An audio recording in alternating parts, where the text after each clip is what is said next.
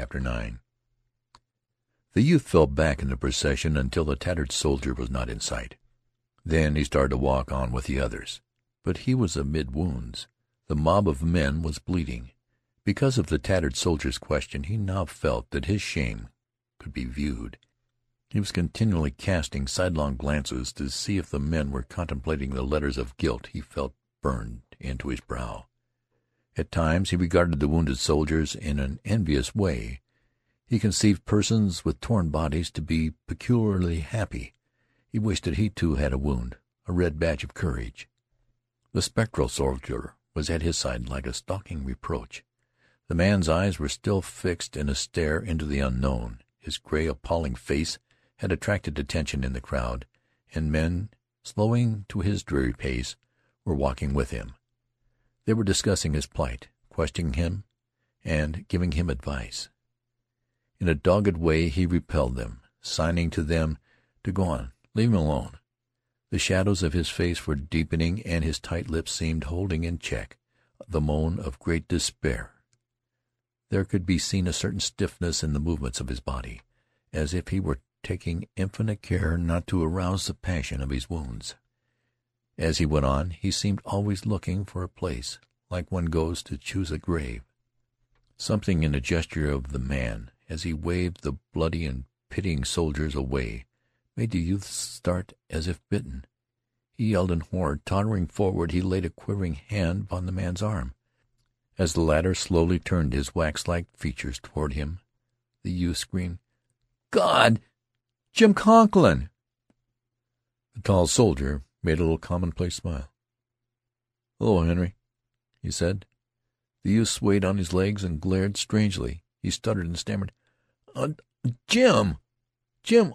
Oh, Jim!" Tall soldier held out his gory hand. There was a curious red and black combination of new blood and old blood upon it. "Where you been, Henry?" he asked. He continued in a monotonous voice. I thought maybe he'd get killed over. There's been thunderin' to pay to-day. I was worryin' about it a good deal." The youth still lamented. "Oh, Jim! Oh, Jim! Oh, Jim!" "You know," said the tall soldier, "I was out there." He made a careful gesture. "Lord, what a circus! By Jiminy, I got shot. I got shot. Yes, by Jiminy, I got shot." He reiterated this fact in a bewildered way, as if he did not know how it came about. The youth put forth anxious arms to assist him, but the tall soldier went firmly on as if propelled. Since the youth's arrival as a guardian for his friend, the other wounded men had ceased to display much interest. They occupied themselves again in dragging their own tragedies toward the rear.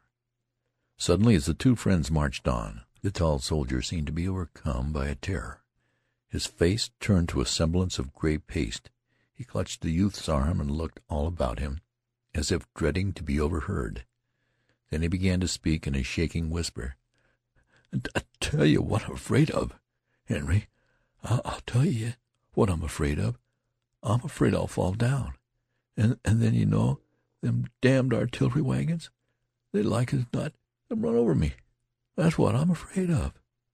The youth cried out at him hysterically. "I'll take care of you, Jim. I'll take care of you. I swear to God I will."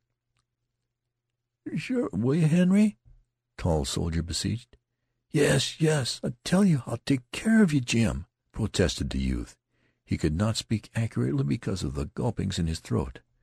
But the tall soldier continued to beg in a lowly way.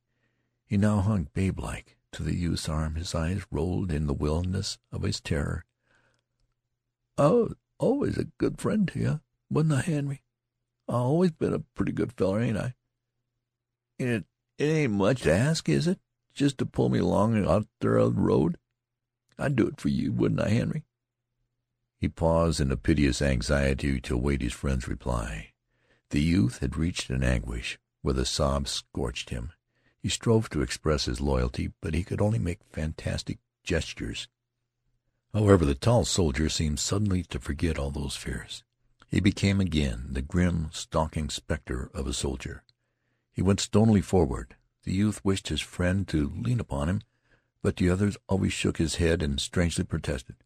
"No, no, no. Leave me be. Leave me be." His look was fixed again upon the unknown. He moved with mysterious purpose, and all of the youth's offers he brushed aside. "No, no. Leave me be. Leave me be." The youth had to follow. Presently the latter heard a voice talking softly near his shoulders.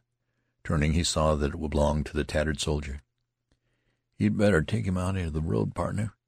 There's a battery comin' belly whoop down the road, an' he'll get runned over. He's a goner anyhow in about five minutes. You can see that. You'd better take him out of the road.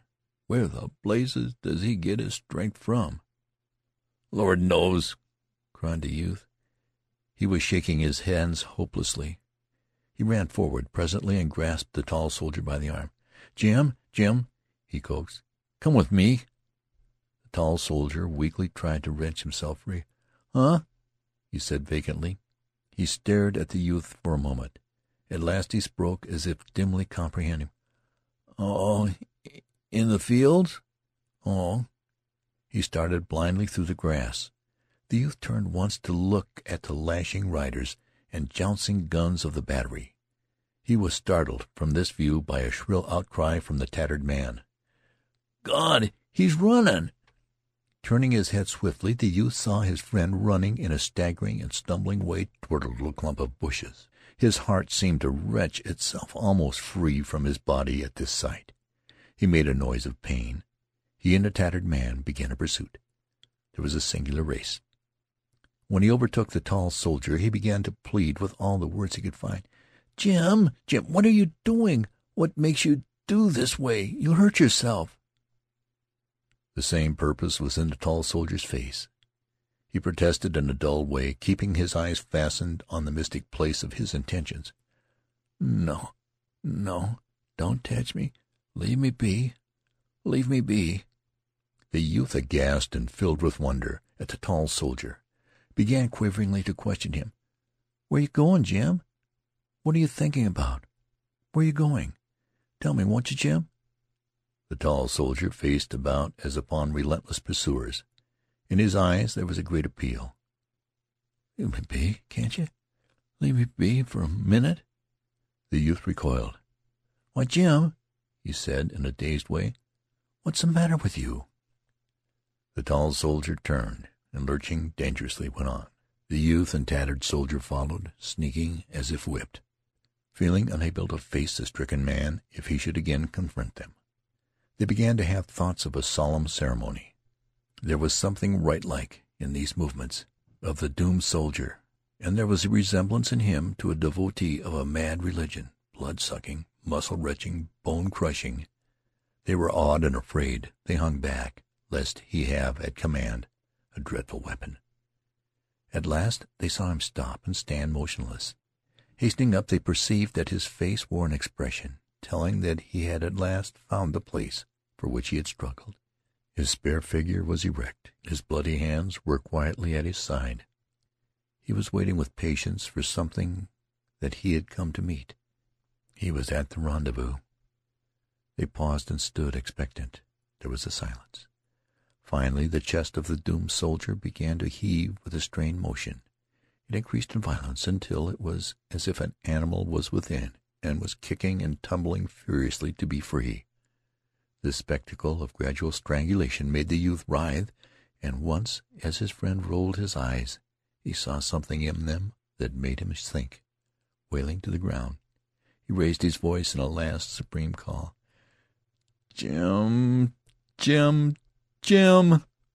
The tall soldier opened his lips and spoke. He made a gesture. "Leave me be. Don't touch me. Leave me be." There was another silence while he waited. Suddenly his form stiffened and straightened. Then it was shaken by a prolonged hug. He stared into space. To the two watchers there was a curious and profound dignity in the firm lines of his awful face. He was invaded by a creeping strangeness that slowly enveloped him. For a moment the tremor of his legs caused him to dance a sort of hideous hornpipe. His arms beat wildly about his head in expression of implike enthusiasm. His tall figure stretched itself to its full height. There was a slight rending sound. Then it began to swing forward, slow straight, in the manner of a falling tree. A swift muscular contortion made the left shoulder strike the ground first. The body seemed to bounce a little away from the earth. "God!" Said the tattered soldier. The youth had watched spellbound this ceremony at the place of meeting. His face had been twisted into an expression of every agony he had imagined for his friend. He now sprang to his feet, and going closer, gazed upon the pastelike face. The mouth was open and the teeth showed in a laugh. As the flap of the blue jacket fell away from the body, he could see that the side looked as if it had been chewed by wolves. The youth turned with sudden livid rage toward the battlefield. He shook his fist. He seemed about to deliver a philippic. "Hell!" The red sun was pasted in the sky like a wafer.